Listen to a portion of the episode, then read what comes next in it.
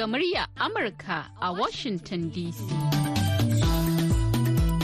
Masu sauraron mu barkanmu da wannan lokaci. Shirin yau da gobe ne kuke saurara daga nan sashen Hausa na murya Amurka a birnin Washington DC akan mitoci 25 da 31 da kuma 41. Ana kuma iya kama mu a birnin Yamai na jamhuriyar Nijar a VOA Africa akan mita 200.5 zangon FM. Sai kuma wasu tashoshin na zangon FM a jamhuriyar Nijar da suka hada da rediyo amfani da sarauniya da kuma niyya. A can kuma sai ƙasar Ghana kuma za a iya kama mu ta Alfa Radio. Sannan za a iya jin mu yanar gizo a voahausa.com ko kuma sashen hausa.com. Sunana Zahra Aminu Fage.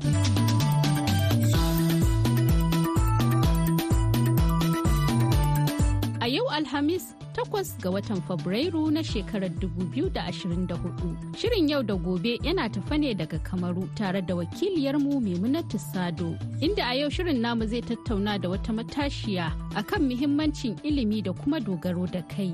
Sannan mun ji ra'ayoyin wasu matasa akan fatan su ga gwamnatin Kamaru. Baya ga haka kuma za mu leƙa filin girke-girkenmu sai a gyara zama a kasance tare da shirin yau da gobe.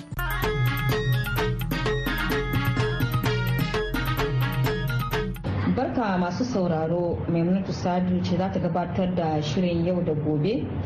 A yau dai muna tare da wata baiwar allah wadda nan da zuwa jima za ta gabatar da kanta kuma za ku ji yadda tattaunawar mu za ta kasance.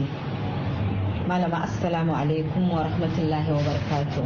Wa alaikum wa rahmatullahi ta'ala wa za ki iya ki gabatar mana da kanki? Ni dai suna na rashida tuko rashida tuko shin ana makaranta ne ko dai ana kan karatun ko kuma an riga an yi yanzu an kama aiki ne? A duka biyu. Ana aikin an yi karatun ana kan karatun. Kamar an taba bokon kamar yadda kike fada an taba bokon. Yawa yanzu yaya aka fara bokon? To na fara da na samu first school living certificate. 2006 shekara 2006 a catholic school santa. Na samu ordinary level a shekara 2010 na samu advanced level shekara biyu da sha uku. To na ci gaba na tafi na samu konku estik na samu license in uh, publishing. To na koma kuma na soma eh, master in um, science de la ƙarasar ba kika kika je kika yi aure? Na je na yi aure. To daga baya koma kuma na je na yi abin nan din na samu matrix a health and environmental communication kina cikin wannan auren baki iya kin ci gaba da da makarantar ba ne ko dai a'a? Ina cikin to auren da zan yi akan dama idan na yi zan ci gaba. To da na yi aure kuma sai bai yiwu ba. bai yiwu ba. To da na fita auren idan na je na ci gaba na samu matrix na koma kuma to yanzu ina na ina local administration Precisely in administration and management of local policies at mm. school of at, at uh, National School of Local Administration NASLA mm. a Nambuya. Mm. To shi ma na rubuta shi 2022 Allah ya sa da konku ya fito na samu kika nasarar samu. Na nasarar samu. To da shi muke fama yanzu. Madalla za ni dan koma baya cikin wato ainihi bayanin da kika yi na batun makaranta har ya kai ga wato kin kai ga yin aure. Sa'annan kuma wato kika fita aure kika je kika ci gaba da makaranta. Shin a nan wato ɗan tattaunawa da nake so mu yi saboda ƙoƙarin wato nuna wa mata cewa wajen wato ƙoƙarin dogaro da kai da yi wa kai. Saboda wasu matan suna gani kamar cewa bayan idan an yi aure ba a yi nasara ba za a dawo gida a zauna. A wannan lokacin ɗin yaya ke kika tafiyar da rayuwanki? Yanayin da kika tsinci kanki a wannan lokacin ɗin cikin zamantakewar aurenki? It was not all that easy. Idan kika fita kin san sha'anin mu hausawa. Ce ta je ta yi zama o ta koma makaranta tana karuwanci o ta yi wannan ta yi wancan to yanzu duk dutsunan da ake harbin ki da shi ke za ki zabi dutsunan bango za ki gina. Da wayannan duwatsun eh ki limitin kanki ne. Ko kuma tattar ko za ki gina ki tsallake to shi yanzu ke sai kika ɗauki wannan bayan kin yi bangon kuma kika yi wato gada da kika yi ƙoƙari kika tsallaka. Gada na yi na tsallaka. To wato da na ɗauka one it was a challenge. Idan duk a kai yake. Saboda kin fuskanci matsaloli a zamantakewar aure. Shin kina ganin wa'annan matsalolin da kika fuskanta a zamantakewar aurenki ya baki ƙarfi da dama da kuzari wajen ci gaba da makarantanki? ya bani ƙarfi sosai ma.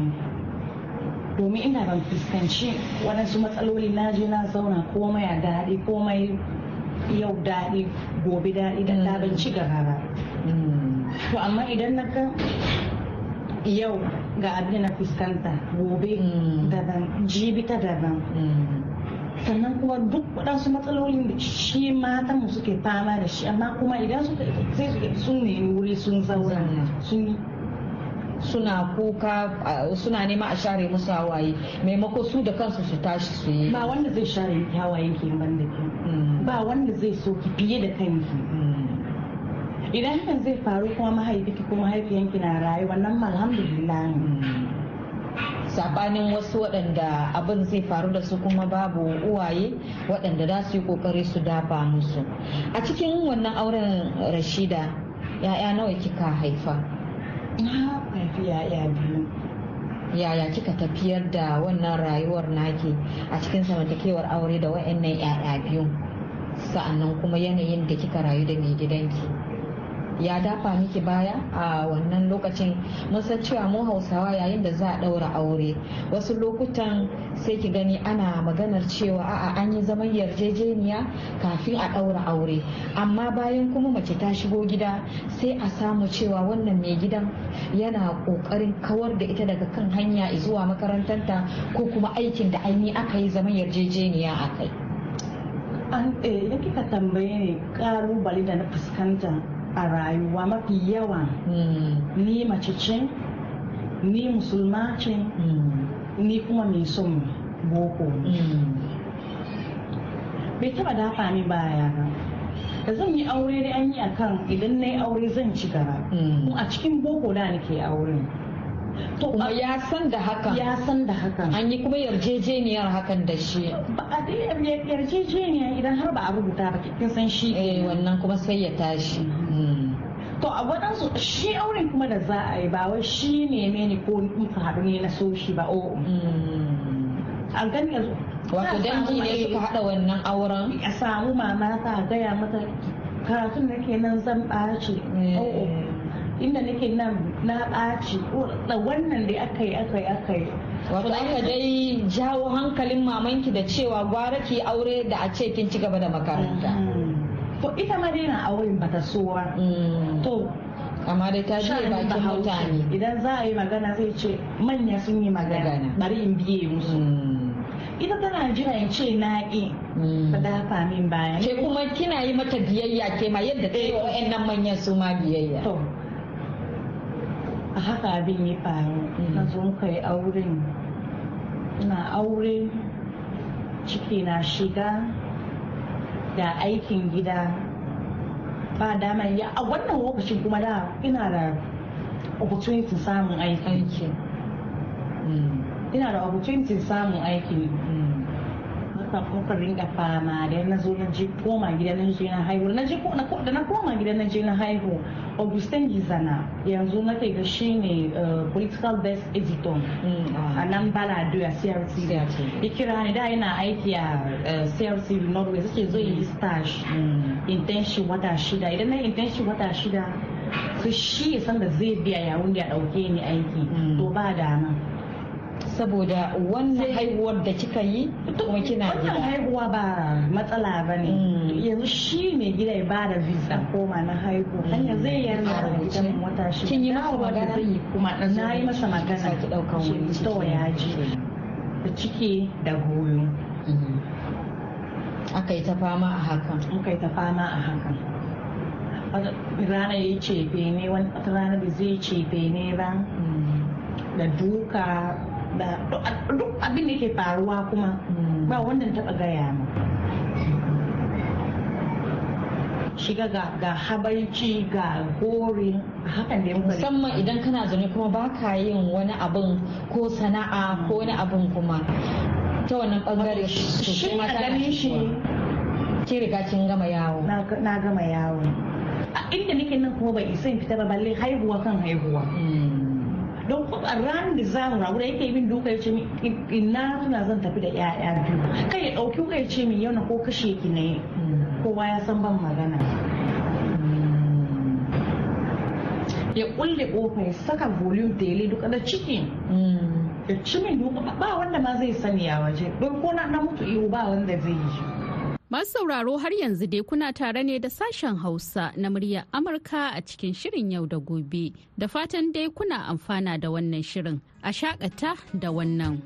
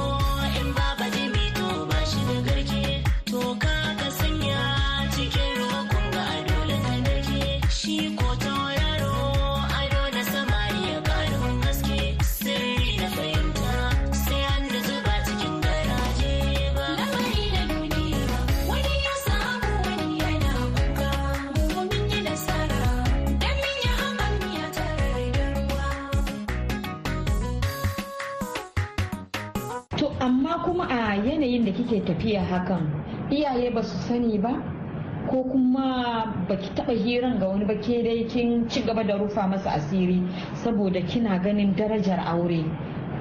Tun da na shiga yana ganin darajar aure. Domin shi karatun boko da karatun addini duk alhamdulillah idan baki san abin da zaki ba da zaki shi ko kin fifita wani abu akan aure ko ki amma tun da na shiga na tun Allah ya saka na shiga da sunan aure ne zan zauna. Biyayya kuma zan yi shi. To muna tafiya. A wannan ranar da ya ce min in tattara in tafi ranar ne ce to Allah sa duk wala haɓe ne magana ba zan koma ɗakin shi ba. Amma ban fita kawai da tafiya ba. Na zauna da ina shirya hankali. Yanzu kuma in hada da doka kuma. A wannan dare na fita duwala na koma ba na ban da riga. Kai daga zani sai himar ko takalmi babu a kafa na. Ya rufe ƙofa ya ci min duka. Yanzu ke kina gani a wannan karni da muke akwai mata ko kuma wata matashiya da take kamanki a halin yanzu wacce ta koshi da boko sa'an nan kuma ta yi makaranta na addinin musuluncin a samu wadda zai yi mata ire-iren abubuwa kamar haka kuma ta ci gaba da zama da amincewa da zama da shi kamar yadda ke kika yi haƙuri har kika kai iya lokacin da kika iya kika kan da shi ne ma ya ce ki bar wannan gidan. An ce akwai su da dama. Waɗanda suke cikin wannan mawuyacin halin. Akwai su da dama. Don wasu ko kai kuka ga iyaye ce miki haƙuri. Shi yasa ba a kai kuka ga iyaye. Idan na san wanda babanta ita take mata cife ne idan ta yi ado baban ne duk domin ta samu ta zauna. Da ka ce a zaɓi wani sai ce ki zaɓi ko aiki ko ki zaɓi aure. To idan kuma har ke musulma kuma akan musulmi yana da wahala a ce an kubuta an je an zaɓi aiki an bar aure. An bar aure. Amma kin san a wannan lokacin a halin da muke tafiyan nan akwai mata waɗanda suke zaɓen aiki ko makarantarsu su bar batun maganar zance aure sun yi laifi? Su ma akwai su da yawa. Su ma akwai su da yawa. Shin amma irin ni ka tambaye ni abina ba su yi laifi ba in ce it's better you have a, divorce daughter is better than a dead daughter. Ba za ki zauna gawun ki koma gida ba da gawun ki koma kuma ki fita a zage ki me yasa mata waɗanda suke cikin wannan wahalar suke da wahala wata za ki ganta har da takardar aure. Kuma mun san cewa akwai gidan mata waɗanda suke taimakawa waɗanda suke cikin wannan yanayin. Amma kuma me yasa ba a zuwa? Ko kuma zuwa gidan sarki? Saboda dai iyaye har yanzu. Da yawa kuma shi rashin karatun addinin ma zai kai su ga haka. Domin namiji da ce miki Allah ya ce annabi ya ce. To duka mu dai mun san Allah ya ce annabi ya ce mace kai wa mijinta biyayya. Idan suka ce wani aya ne ya ce? Ki tambayi mijin abin da kace mini Allah ne wani aya? Idan ya ce miki annabi ce ka hadisi. Idan ka ka hadisi to shi kenan zan yi. Wato inda ake ɗaure mata kenan. Inda ake ɗaure mata kenan. Allah ya ce annabi ya ce. To to wani aya ne hana mace ta fita ta nemi? Wani hadisi ne ce kai namiji idan ka auri mace ka kulle ta daki ba za ta ci gaba da abin nan ba. Shin baki ga cewa akwai jahilci cikin fahimtar addini ba game da waɗannan mazajen waɗanda suke ganin cewa idan aka auri mace ba za ta iya ta motsa ko ta yi aiki ko kuma ta nemi sana'ar da za ta yi? Yadda a yaushe suke kira ko kuma su ba sa ganin cewa ainihi akwai hakkoki a cikin batun maganar zancen zamantakewar aure. Kamar tattare da jahilci wato wa'annan maza kamar akwai dan jahilci a tattare da su? Akwai dan jahilci a tattare da su. To mu ma matan ba mu nema san menene hakkin wakan maza menene hakkin wakan aure. Na rashin zuwa makaranta. Rashin zuwa makaranta.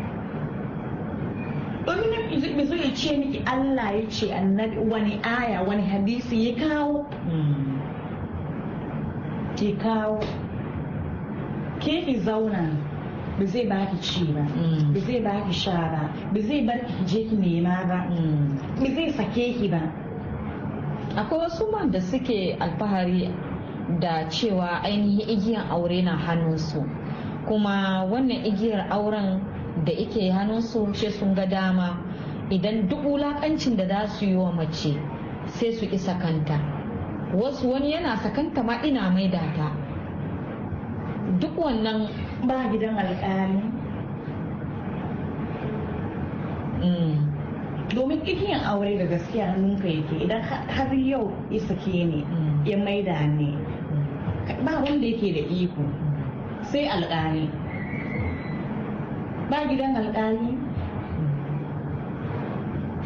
Har yaushe za mu zauna? Rashin magana zaman jurewa da muke yi.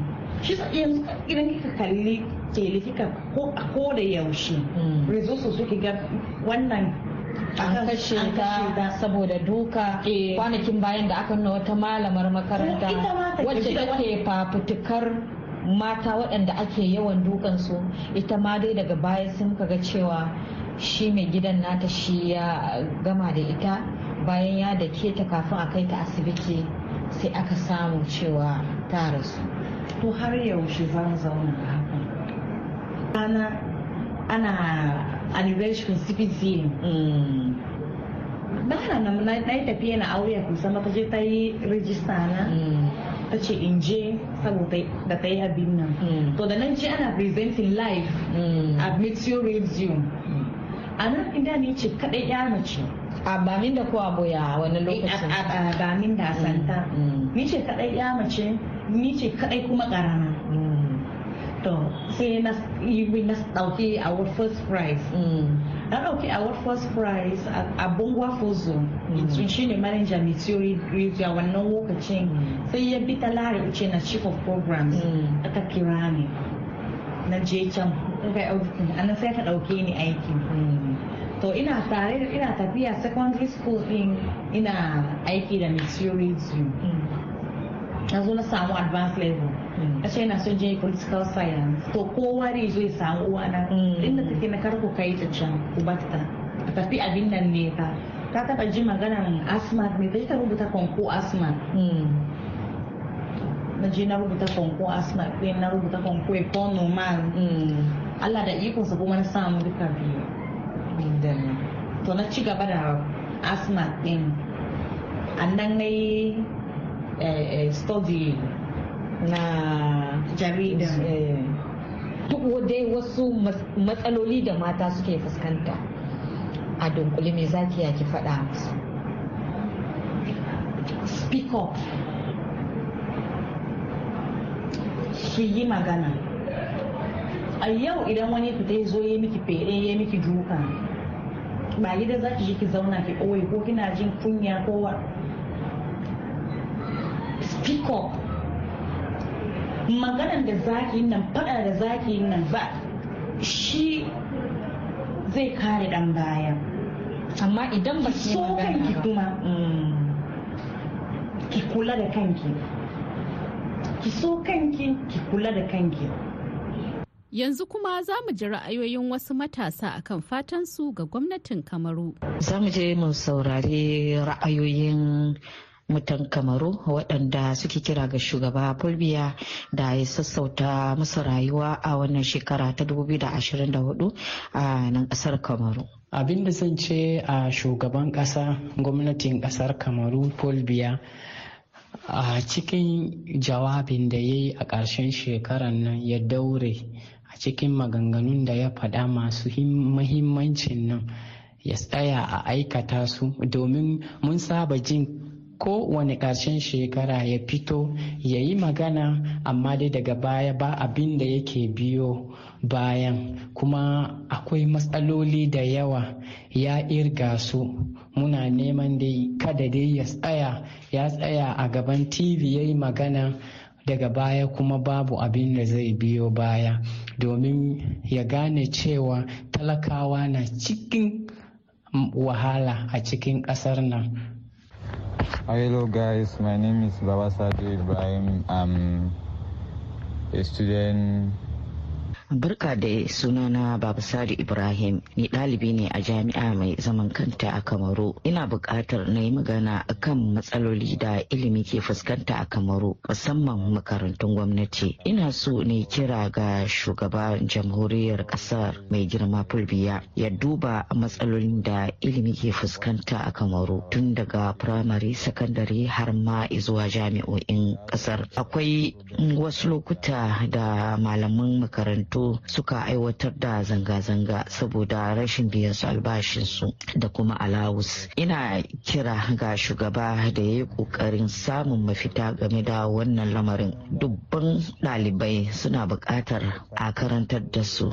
Hakan ya gagara saboda rashin biyan malamai. Ina kira ne ga shugaba da ya ƙoƙari ƙoƙari. Musan mun san jagorancin ƙasa ba wasa ba ne amma muna buƙatar taimako da a yi ƙoƙari a duba a malamai domin mu samu horaswa da ilimi mai inganci I can pay the teachers so that us, all students, we can learn and we should be in a good way so that we can gain more education.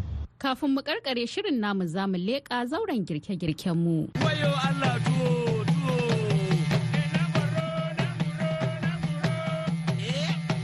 To yanzu kuma za mu muku miya yodo ko karkashi. Miya yodo ka nemi namanka mai kyau na rago. Shi dai a na rago gaskiya ya yi. Ko na saniya in babu. Ka nemi namanka na rago. Ka aji. So ka zuba manka a tukunya ga namanka na aji. Ɗayal albasarka. Ka ka wanke kayanka ka zuba. In ka zuba ka baɗe kayanka da kayan yashi. Sai ka nemi tafarnuwarka da atarugunka ka dake ka zuba da daudawa. in ka zuba ka soyi suka soyu kwana can an jima ka baɗe shi da gishiri sai ka zo ka ɗauki tumatir ɗanye ka isassa. In ka sa tumatir gaskiya ba yi ka sa ba mata kwanku tumatir ɗanya ka nemi tumatir in ka isassa manya ka yanka ka zuba. Ka zuba ka yanka suka soyi suka soyu suka kwaikwaya. Ka sa ruwan miya suka kwaikwaya. Can ka daka yo ɗanka kenan kawai sai ka kada komi dai ka sanya da huɗu dake shi za a yi dan ko kuma wasu ai suna murje shi wasu kuma daka suke. Eh da kwai masu murjiya kuma gaskiya da kwai masu dakawa. Eh yo dan amma sai an tsine shi an hudda kasa kasa an gyara shi tas ka gyara yo dan ka fes. In daka za ka yi ka dake shi ka huɗu wannan kasa ka tankaɗe shi sai ka dake abun ka kada in kuma murje shi za ka yi lokacin da ka gyara ka tankaɗe ƙasar wannan ka huhudda dauɗa sai ka murje abinka sai ka zuba ka kaɗa kayan. To kamar shi in aka kada ana barin shi ya jima a bisa wuta ko ba a barin shi? Eh to gaskiya ba a barin shi inda cirewa yake. In ka bar shi yana ta dahuwa a wuta cirewa yake. Ke ko minti ɗaya ne ya isa. Sai ka sai to kamar wani lokaci akwai wasu suna kamar tsawon miya ana sa mata wake. Ita yodo ana sa mata wake ko ba a sa mata? Eh in kana so kana sa waken ka. Kana iya sa wake sosai ma. In kana so ka zuba shi in ka da ruwan miya. In kuma kana buƙata ka dawa shi daban. In miyar ka ta taso ta dahu ta dahu kawai ka kawo shi ka tsiyayi wannan kanwa kanwai sai ka zuba. Duka yana yi. To shi wani miyan yodo ko karkashi da mi ake cin shi? Da wani irin abinci tuwo ake cin shi? To gaskiya ana ci da tuwon labshi tuƙaƙƙen shinkafa. Tuwon tsaki ma in kana buƙata. Sai ka ci da shi. Duka duk wanda ya samu ya ka ci da shi. Da na hatsi da na masarai. Duk wanda ya samu kana iya ci da shi. Kana iya sawa hal kitse ma kana iya sa kayanka. In kana buƙata da man shanu ba.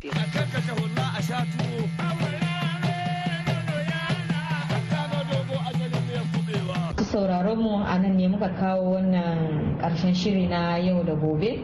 To fatan kuma waɗanda suka saurara za a fahimci abin da muka ce kuma wato waɗanda suke waɗannan aika-aika musamman wato maza waɗanda muke tare da su a koda yaushe waɗanda mata suke yawan zargi da wato ainihi cin zarafi da duka da sauransu ya kamata a ce su masu hankalta kuma a nemi wato sassauci.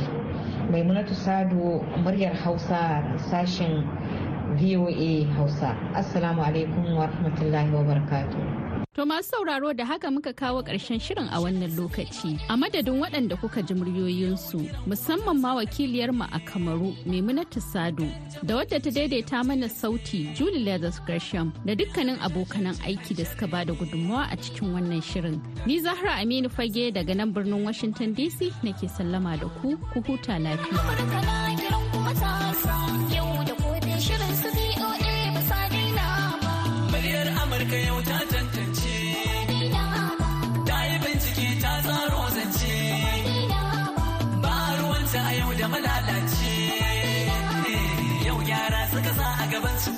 Ƙwarai ba za su